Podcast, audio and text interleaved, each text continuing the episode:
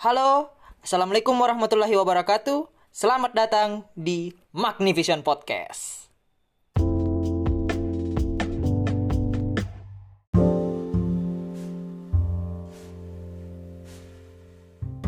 Assalamualaikum warahmatullahi wabarakatuh. Kembali lagi bersama saya Waisul Kani Ahmad di Magnivision Podcast. Nah, sekarang di episode ini akan membahas sejarah lagi. Hari ini eh, 7 Mei diperingati suatu peristiwa khusus dalam peristiwa Perang Dunia II. Nah, kita eh, kita memperingati khususnya khususnya di Eropa kalau di Indonesia kan karena kita juga orang apa suatu bangsa yang terdampak dengan perang eh, dunia II saya rasa selayaknya lah kita tahu walaupun kita dijajahnya oleh Jepang.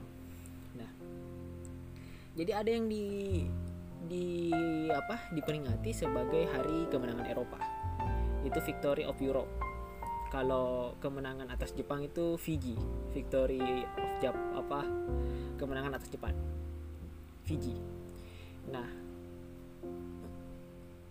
banyak yang belum tahu bahwa hari itu 7 Mei eh, sebagai hari kemenangan Eropa atas Nazi Jerman jadi Nazi Jerman berhasil di berhasil ditekan terus sampai akhirnya mereka menyerah tanpa syarat kepada kepada pihak sekutu.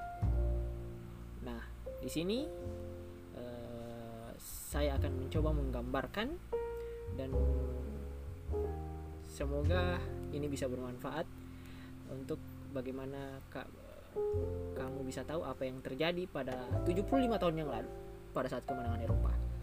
Eh, jadi itu diawali pada saat eh, fak apa faksi atau kelompok Aksis melawan sekutu dan eh, sekutu itu dipelopori oleh eh, Prancis, Inggris, Amerika dan eh, Rusia. Sementara faksi Aksis atau po- poros di, di- diisi oleh Jerman, Jepang dan Italia mereka bertempur di Palagan Perang Dunia II. Negara yang paling berpengalaman ya pasti. Mereka ini juga bekas-bekas negara yang bertempur di Perang Dunia I. Kembali lagi di Perang Dunia II. Nah, eh, singkat cerita, awalnya Jepang itu bertempur sendirian di di Asia Timur untuk mengembangkan ekspansinya ke wilayah sekitar Asia Timur akhirnya sampai ke Indonesia. Tetapi sebelum sampai di Indonesia itu pada tahun pada tanggal 7 Desember 1941 mereka eh, secara resmi meng- mengajak dan memberikan alasan kepada Amerika untuk ikut dalam perang dunia II karena mereka menyerang Pearl Harbor. Dan setelah itu sampai dengan gelap dari setelah mereka berhasil menyerang Pearl Harbor, mereka berhasil menduduki Hindia Belanda dan menguasai Asia yang notabene-nya merupakan tempat kolonialisasi juga dari faksi sekutu. Dan di situ ada wilayah jajahan Inggris, ada wilayah jajahan Prancis, ada wilayah jajahan Belanda. Belanda eh, salah satu negara yang terdampak. Mereka sebenarnya sudah dijajah di negara aslinya pada tahun 1940. Beberapa bulan setelah eh, Jerman memulai Perang Dunia Pertama dengan mengin- menginvasi dan menganeksasi Polandia.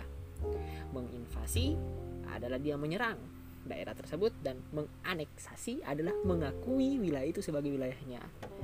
Ya kalau mau bikin kata kerennya ya kalau mau ya saya mengakui kamu sebagai pacar saya berarti saya menganeksasi kamu. Bisa seperti itu. Nah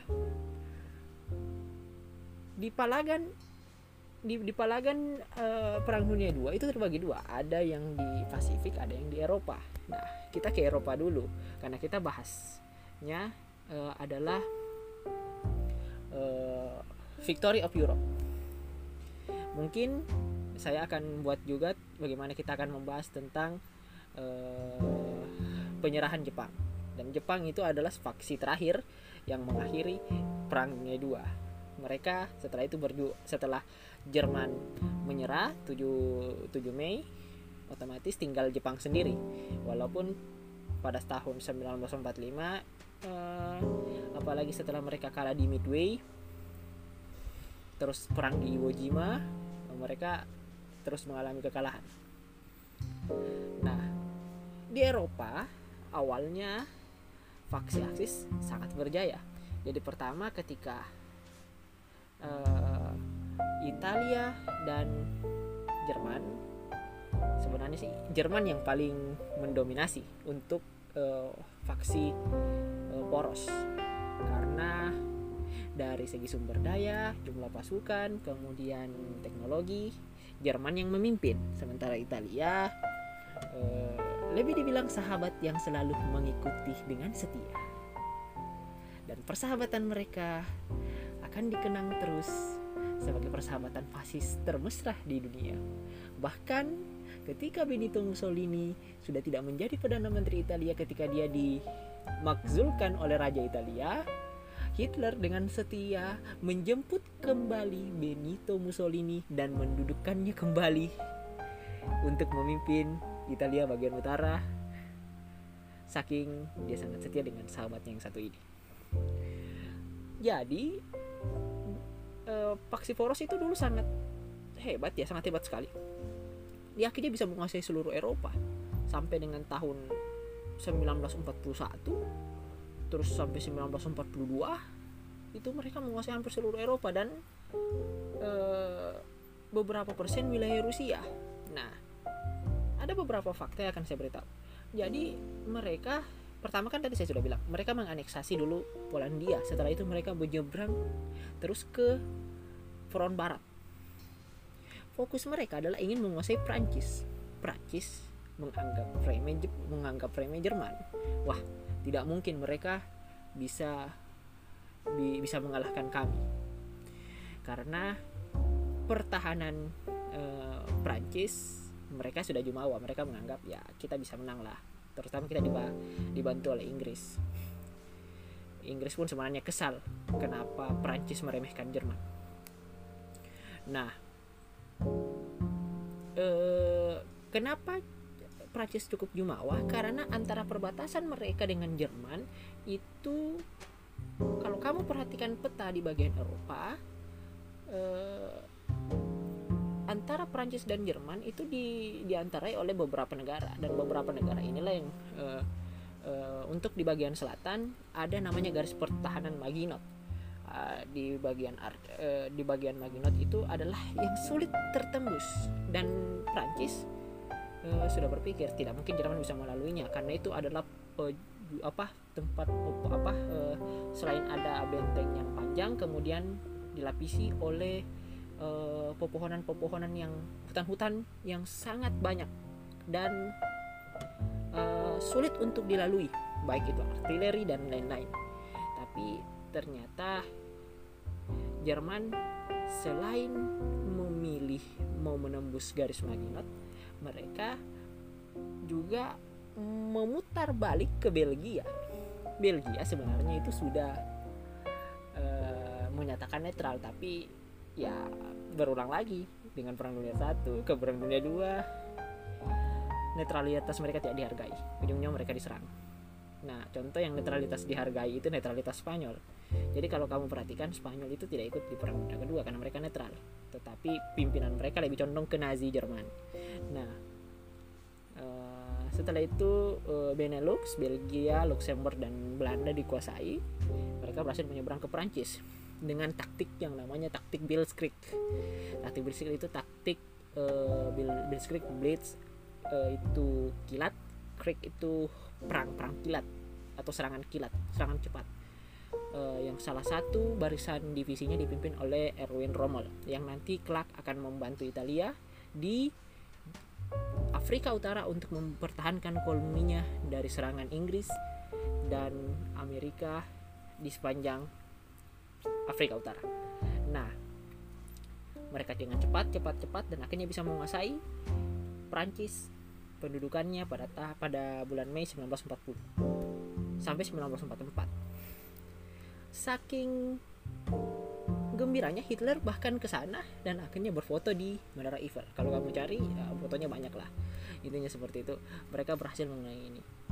Dan Hitler berhasil memper apa uh, mengembalikan kejayaan Jerman terutama ketika Jerman melah apa mengalami kekalahan dan malu yang tidak terhingga ketika mereka dikalahkan di Perang Dunia I pada pada November 1918 mereka mendatang, menandatangani perjanjian Versailles. Kereta Versailles itu di bawah. Jadi perjanjian Versailles itu ditandatangani di sebuah kereta yang bernama kereta Versailles. Di bawah kembali ke Jerman, di bawah kembali. Itulah betul-betul ingin menghapus jejak kekalahan Jerman. Akhirnya dibentuklah eh, pendudukan Jerman di sana. Dan setelah itu duar Jerman menguasai Eropa. Di sini sudah mulai kejayaan Jerman. Jerman Nazi maksud saya. Akhirnya mereka mengarahkan pe, apa, apa e, fokus mereka untuk menguasai Inggris. Tercetuslah Battle of Britain antara pasukan Jerman angkatan udara Jerman melawan angkatan udara e, Inggris. Luftwaffe itu nama angkatan uh, udara Jerman. Antara Luftwaffe melawan Royal Air Force angkatan udara Jerman angkatan udara Inggris di Battle of Britain sayangnya Battle of Britain uh, belum bisa dimenangkan oleh Jerman. Jerman menderita kekalahan yang akhirnya terus membuat uh, Jerman kalah. Apa uh, se, uh, mereka akhirnya semak uh, prioritasnya prioritas kemudian dialihkan dari Inggris karena mereka menderita kekalahan yang sangat uh, banyak di sana. Mereka kehilangan ribuan pesawat dan juga orang. Ini akhirnya power dari Luftwaffe semakin menurun satu hal yang harus diketahui bahwa awalnya Jerman hanya melawan Inggris dan Prancis pada di tahun-tahun awal itu. Tetapi pada tahun 1941 per 22 Juli sekitaran bulan Juli itu 1941 Rusia ikut dalam perang dunia 2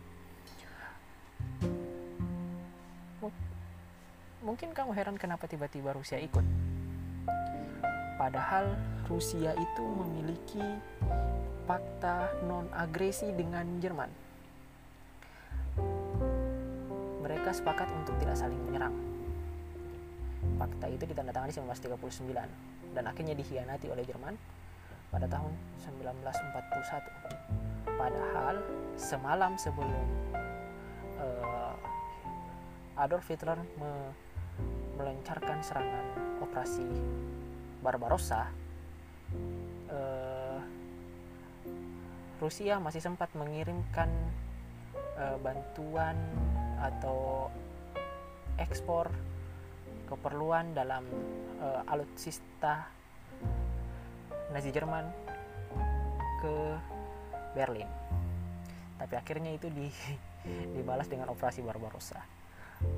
Bantuan Rusia atau Uni Soviet itu turut membantu dari operasi Blitzkrieg yang membuat Jerman dengan mudah dapat menguasai Rusia.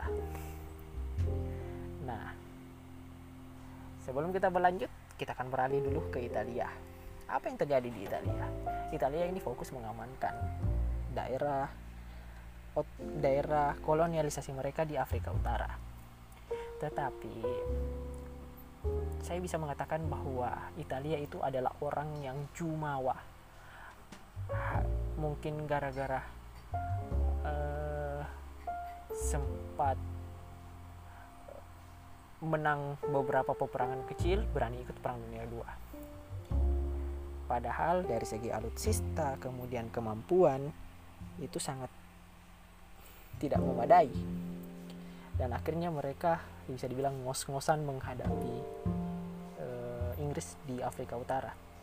Mereka terus terus kalah terus kalah terus kalah Hitler yang melihat sahabatnya kesusahan mengirim jenderal terbaiknya Erwin Rommel dengan divisi Panzer Jerman ke sana. Di bawah Panji yang bernama DAK, Deutsche Afrika Korps, Korps Jerman Afrika, untuk membantu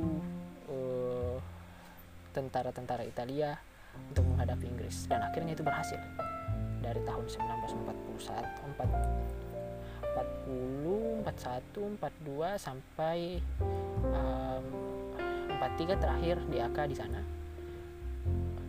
mereka bisa cukup membantu Italia. Bahkan berhasil menekan uh, Inggris sampai di El Al di daerah El Alamein. El Alamein di Mesir. Tapi akhirnya uh, gara-gara kekurangan logistik dan kesehatan dari Erwin Rommel sudah mulai menurun uh, DAK mengalami kekalahan dan akhirnya selesai palagan di Afrika Utara. Jepang, uh, Italia maksud saya taktis kehilangan wilayah kolonialisasinya yang mereka selama ini idam-idamkan untuk kuasai dan membentuk kembali lagi yang namanya kejayaan Romawi kuno. ya tidak bisa terwujud.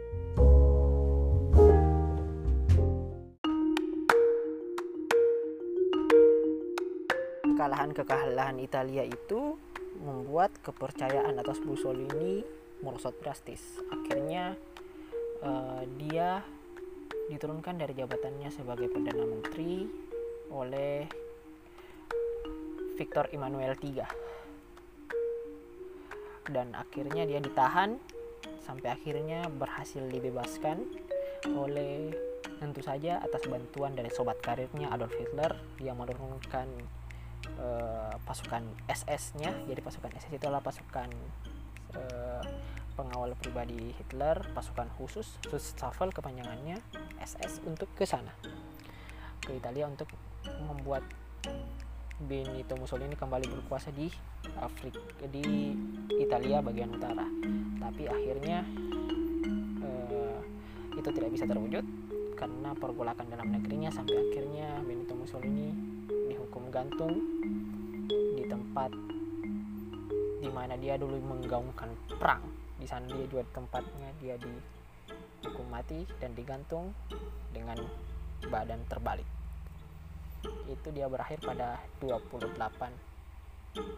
April 1945 nah sekarang kita ke apa yang terjadi dengan Adolf Hitler? Adolf Hitler setelah menyeret Stalin Joseph Stalin ke dalam perang dunia II setelah fakta non agresinya dikhianati mungkin kamu bertanya kok Hitler mau menyerang Uni Soviet padahal Uni Soviet membantunya untuk untuk memperlancar Blitzkriegnya dalam menguasai Prancis. Pertanyaannya adalah karena Hitler ingin mengambil sumber daya dari Uni Soviet. Itu jawabannya. Sehingga dia menjalankan operasi Barbarossa, tapi kali-kali tapi kali lagi itu gagal dengan alasan yang sama dengan kekalahan Napoleon. Kalau kamu baca tentang sejarah Napoleon dia kalah dengan cuaca Hitler pun kalah dengan cuaca. Sampai akhirnya tapi tapi sebelum dia berakhir pada kekalahan yang terus menerus dia sempat menguasai wilayah-wilayah Uni Soviet sampai jauh tinggal beberapa ratus kilometer lagi sampai ke Moskow. Dia dia bahkan sudah menguasai kota uh, Stalin Stalingrad battle yang pertempuran yang paling terkenal dan ke, di Petrus Stalingrad itu kembali lagi dia dikalahkan oleh cuaca sampai akhirnya pasukan yang di sana itu menyerah kepada Uni Soviet karena mereka sudah terkepung setelah kekalahan dari Stalingrad otomatis e, mereka 42, 43, 44 terus mengalami kekalahan-kekalahan di front-front timur. Jadi, ada yang dibilang front timur, ada front barat. Di front barat, Jerman menghadapi Prancis, Inggris, dan Amerika. Amerika, kenapa dia muncul ke Perang Dunia II? Karena Jepang lagi-lagi memberinya alasan untuk ikut. Awalnya, Franklin Delano Roosevelt tidak ingin melibatkan Amerika di sana. Tapi karena Amerika diserang, akhirnya Amerika ikut membantu uh, faksi sekutu. Dan itu suatu hal yang sangat disyukuri oleh uh, Stalin. Apalagi eh, setelah Stalin apa pada bulan Juli Stalin ikut, terus bulan Desember Roosevelt ikut akhirnya uh, Churchill perdana menteri uh, Inggris itu merasa tidak sendiri dalam menghadapi Jerman. Nah, Jerman yang sudah mulai uh, uh, kerepotan ditambah lagi dengan pendaratan besar sekutu di Normandy.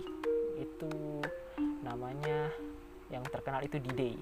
Operasi pendaratan besar mendaratkan 6 juta orang pasukan sekutu di Normandy. Jadi dari 44 dari tahun 44 ke belakang itu Jerman full di Jerman full menguasai seluruh Eropa. Apalagi setelah Inggris terusir di Dunkirk. Hitler memberikan sedikit pengampunan, walaupun itu suatu blunder menurut pengamat-pengamat sejarah. Karena Hitler seharusnya bisa menghabisi pasukan Inggris di Dunkirk, tapi dia membiarkan dia membiarkan pasukan Inggris yang terjepit itu menyeberang. Pasukan-pasukan ini dulu yang membantu Perancis mempertahankan wilayahnya sampai akhirnya berhasil dikuasai oleh Jerman. Nah, setelah berhasil uh, mendaratkan di Normandy, uh, Jerman berusaha menahan terus dan menggempur. Tapi alhasil sekutu terus maju. Sampai akhirnya di Palagan terakhir itu namanya ada namanya pertempuran Bulge itu adalah pertempuran uh, serang bisa dibilang serangan dalam front barat paling besar dan memakan korban paling besar dari pihak sekutu khususnya Amerika 600 ribu orang mati. Jerman pun harus mundur sampai ke wilayah Jerman. Dia mulai tertekan dan dia terjepit dari dua arah. Di di sebelah di timur di front timur dia dijepit oleh Rusia di front barat dia dijepit oleh Amerika Perancis dan Inggris. Dia dijepit dan negara-negara sekutu Jerman otomatis menghadapi mereka sendiri dan uh, situasi sudah mulai menjadi tidak realistis. Bahkan Stalin pun uh, dia berusaha untuk mendahului sekutu bagaimana caranya saya yang harus mencapai Berlin pertama kali. Makanya uh, di salah satu postingan dari salah satu akun sejarah pernah mengatakan uh, I love you to the Berlin and back itu menggambarkan bagaimana kegigihan pasukan Uni Soviet untuk mencapai Berlin nah uh, Stalin pun membuat perlombaan kepada dua, dua jenderal besarnya, Ivan Konev dan uh, Yuri Zhukov. Bagaimana kamu siapa yang paling cepat mencapai Berlin? Jadi dari mereka sama-sama berjalan dari timur, tapi ada yang di ada yang dari mulai dari arah selatan, ada yang mulai dari arah utara. Itu. Sementara situ juga sekutu mulai uh, tidak mau ketinggalan juga mereka juga harus mencapai Berlin lebih dahulu.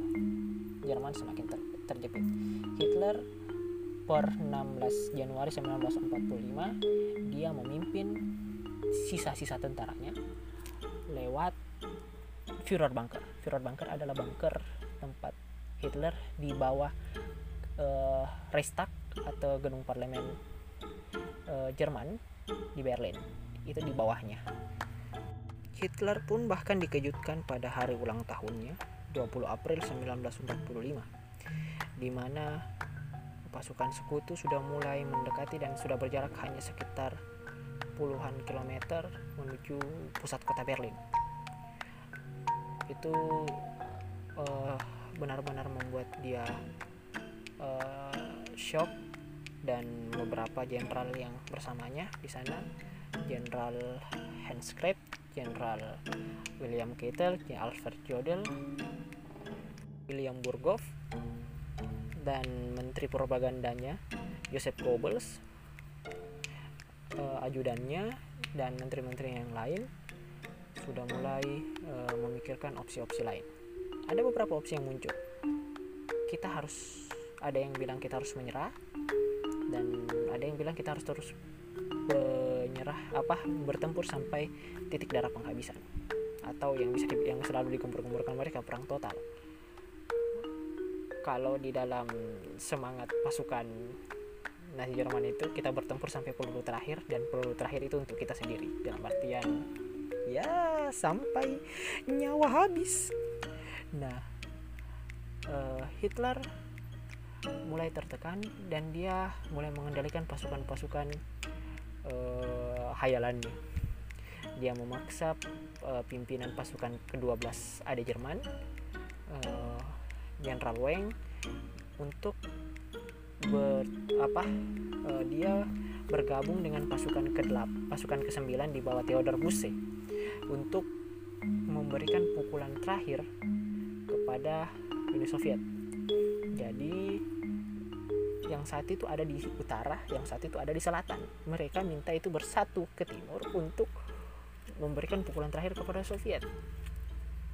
Nah, tetapi pas uh, jenderal-jenderalnya tahu bahwa kemungkinan itu adalah kemungkinan yang mustahil di mana pasukan merah Rusia Uni Soviet. Jumlahnya berpuluh-puluh kali dari pasukan Weng maupun Theodor Busse makanya dirancang lagi bagaimana Felix Steiner juga membantu dari pasukan-pasukan itu. Tetapi uh, Steiner pun tidak mampu untuk mengarahkan pasukan kembali ke Berlin.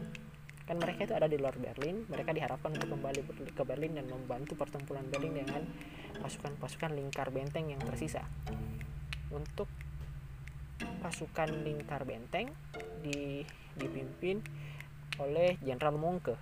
Sementara pasuk pertahanan Berlin benteng Berlin dikomandoi oleh Jenderal Helmut Werling. Tapi itu tidak berhasil. Dan bahkan di akhir ceritanya, Weng ini menggiring bagaimana sebanyak mungkin pasukannya dapat menembus uh, ke sekutu dan akhirnya mereka ingin membawa sebanyak mungkin pasukan Jerman dan orang penduduk-penduduk sipil untuk bagaimana kita lebih baik menyerah saja ke sekutu. Ya yang jelas jangan menyerah ke Uni Soviet. Mereka itu anti sekali. Kita boleh kalah tapi jangan kepala jangan kalah kepada sekutu. Hitler pun tetap pada pendiriannya dia tidak mau meninggalkan Berlin. Walaupun di Berlin sudah ada operasi namanya operasi si Clausewitz si Clausewitz itu eh, Berlin dijadikan sebagai kota pertahanan di mana beberapa departemen itu dipindahkan ke daerah selatan yang masih dikuasai oleh Albert Kesselring. Kalau di utara itu diku, dikuasai oleh Karel Donich nah sebagian diekspor apa dipindahkan lah. Pimpinan departemen kementerian itu ke daerah selatan. Nah Hitler mengatakan dalam bahasa Jerman niemals kapitulier dia tidak akan menyerah. Dia bahkan bilang saya akan mati di Berlin. Akhirnya dia memerintahkan Keitel dan Jenderal Jodel untuk pergi ke Donetsk untuk membantunya di di utara sementara Hitler masih dulunya dia masih berharap uh, bagaimana uh, Weng bisa membawa pasukan itu ke Berlin dan memberikan pukulan terakhir kepada Uni Soviet. Dan kita tahu itu tidak akan pernah terwujud. Jenderal-jenderalnya tahu itu tidak akan pernah terwujud. Sampai akhirnya uh, hal itu dipastikan ketika jenderalnya Hans Krebs mengirimkan telegram kepada Jenderal Keitel dia bertanya di mana pasukan Wayne dan kapan mereka akan memberikan serangan kepada Uni Soviet. Ya, dijawab intinya mereka tidak dapat melaksanakan serangan ke Berlin, mereka terkepung dan serangan itu tidak bisa dilakukan. Helmut Werling sebagai komandan pertahanan Berlin menanyakan apa yang kita akan lakukan setelah uh, uh, cadangan artileri, cadangan amunisi itu habis. Hitler menjawab, saya melarang kamu dan orang-orang lain untuk menyerah. dan akhirnya Hitler memutuskan untuk bunuh diri pada tanggal 30 April 10 hari setelah kematiannya. E, banyak hipotesa dari sejarawan-sejarawan dunia mengatakan bahwa salah satu hal yang mempengaruhi psikologi Hitler untuk bunuh diri adalah karena dia tidak ingin mayatnya dipamerkan dan didapati oleh sekutu. Makanya dia memerintahkan kepada ajudannya e, Gusce dan Linge untuk ketika saya sudah bunuh diri bersama istri saya yang sudah dia nikahi beberapa jam sebelum dia mati sebelumnya itu pacarnya Eva Brown saya minta mayat saya dibakar. Hilangkan jejak saya setelah saya bunuh diri. Jadi dia uh, Eva Brown bunuh diri dengan menelan menelan pil cyanida sementara Hitler menelan pil cyanida plus menembak kepalanya. Jadi setelah itu mayatnya dibakar hal yang mendorong ya, menurut hipotesa sejarawan sejarawan ya karena eh, dia tidak ingin ya seperti yang tadi saya bilang mayatnya dipamerkan oleh eh, sekutu dan dia mengingat nasib sahabatnya yang di hukum mati dan mayatnya diperlakukan tidak pantas di Italia. Itu mempengaruhi pikirannya. Karena uh, Benito Mussolini seperti yang tadi saya sudah jelaskan 28 April 1945 dia dieksekusi. Nah Hitler mati. Otomatis kepemimpinan Jerman jatuh kepada uh, menteri propagandanya Joseph Goebbels. Tapi Joseph Goebbels meratapi kematian Hitler. Dia dan istrinya itu seorang Nazi Nazi sejati nasional sosialis sejati. Bahkan e, mereka berdua pun bunuh diri. Dan pemerintahan pun hanya e, dipegangnya selama satu hari. Tapi se, dari tanggal 30 sampai 1 Mei. Di antara itu Joseph Goebbels masih sempat memerintahkan kepada Jenderal Hans Krebs untuk menemui uh, uh, salah seorang jenderal uh, fas, uh, namanya Fas, Vasily Kuikov untuk merundingkan uh, penyerahan dengan syarat tetapi itu ditolak oleh Jenderal uh, Vasily dan dia mengatakan bahwa kalau kami uh, apa kalau anda jadi kami apakah anda akan menerima pen, uh, apa uh, penyerahan dengan syarat? Hans Craig masih dengan pendiriannya dia mengatakan bahwa kalau kami jadi anda kami tidak akan pernah menerima penyerahan. Kecuali penyerahan tanpa syarat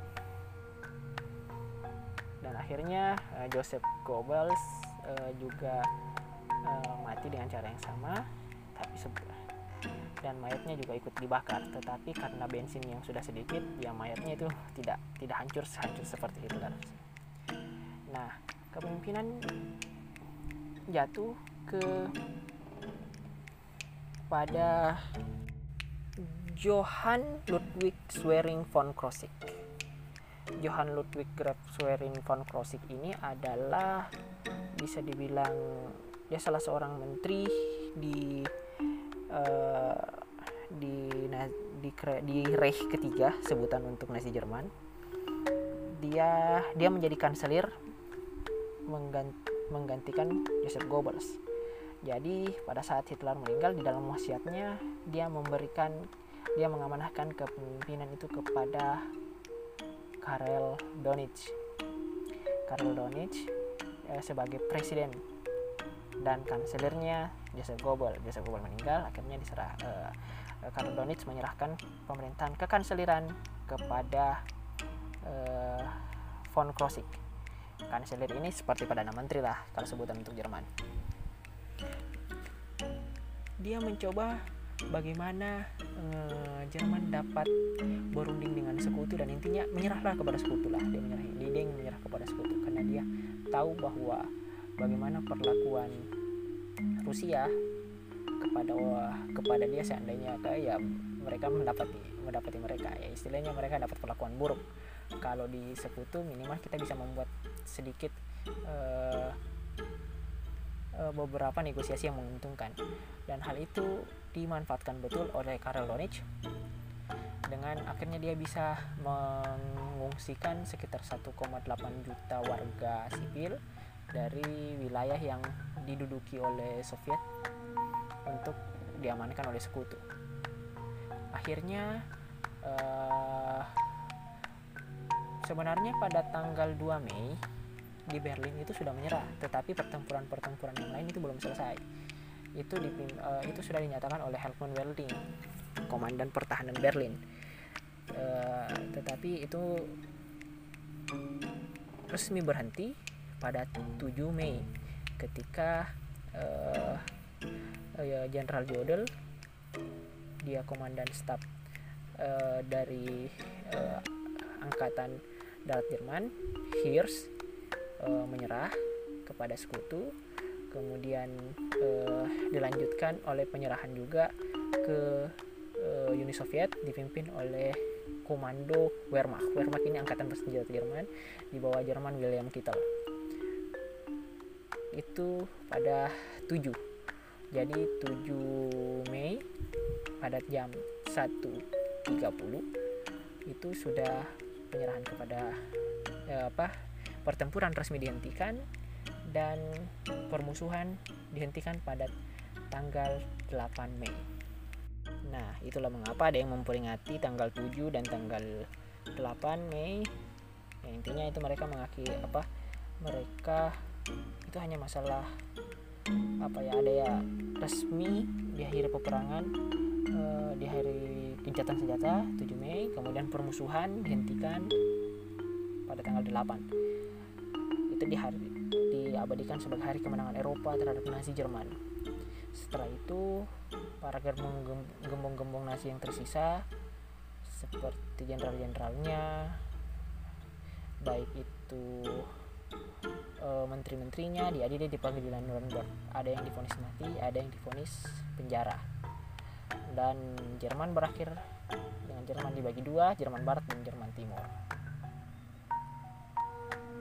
begitulah akhir dari Perang Dunia II dan bagaimana setiap tahun di Eropa pada tanggal 7 ada tanggal 8 diperingati sebagai hari kemenangan Eropa. Di mana kalau di Rusia itu ada parade militer besar-besaran kalau di Eropa itu rakyat um, sangat um, memperingati hari itu. Itu bisa dibilang salah satu hari besar lah karena kita pada saat itu kita menghadapi musuh bersama Nazi Jerman dan kita menang pada tanggal itu. Itu diperingati sebagai hari yang besar. Kita pun minimal tahu lah walaupun kita tidak merayakan hari kemenangan Eropa. Kita kan bisa dibilang musuh kita menghadapi musuh yang sama. Kita menghadapi Jepang pada saat itu. Walaupun akhirnya setelah Jepang kita berkonflik dengan Belanda. Ah. baiklah uh, sekian dulu untuk pembahasan kali ini. Uh, nanti kita akan cari pembahasan-pembahasan lain yang intinya minimal uh, bagaimana kita bisa menambah pengetahuan dan saling uh, menghargai sejarah kita. Sekian dari saya, Waisokan Ahmad di Magnificent di Magnificent Podcast. Sampai jumpa. thank you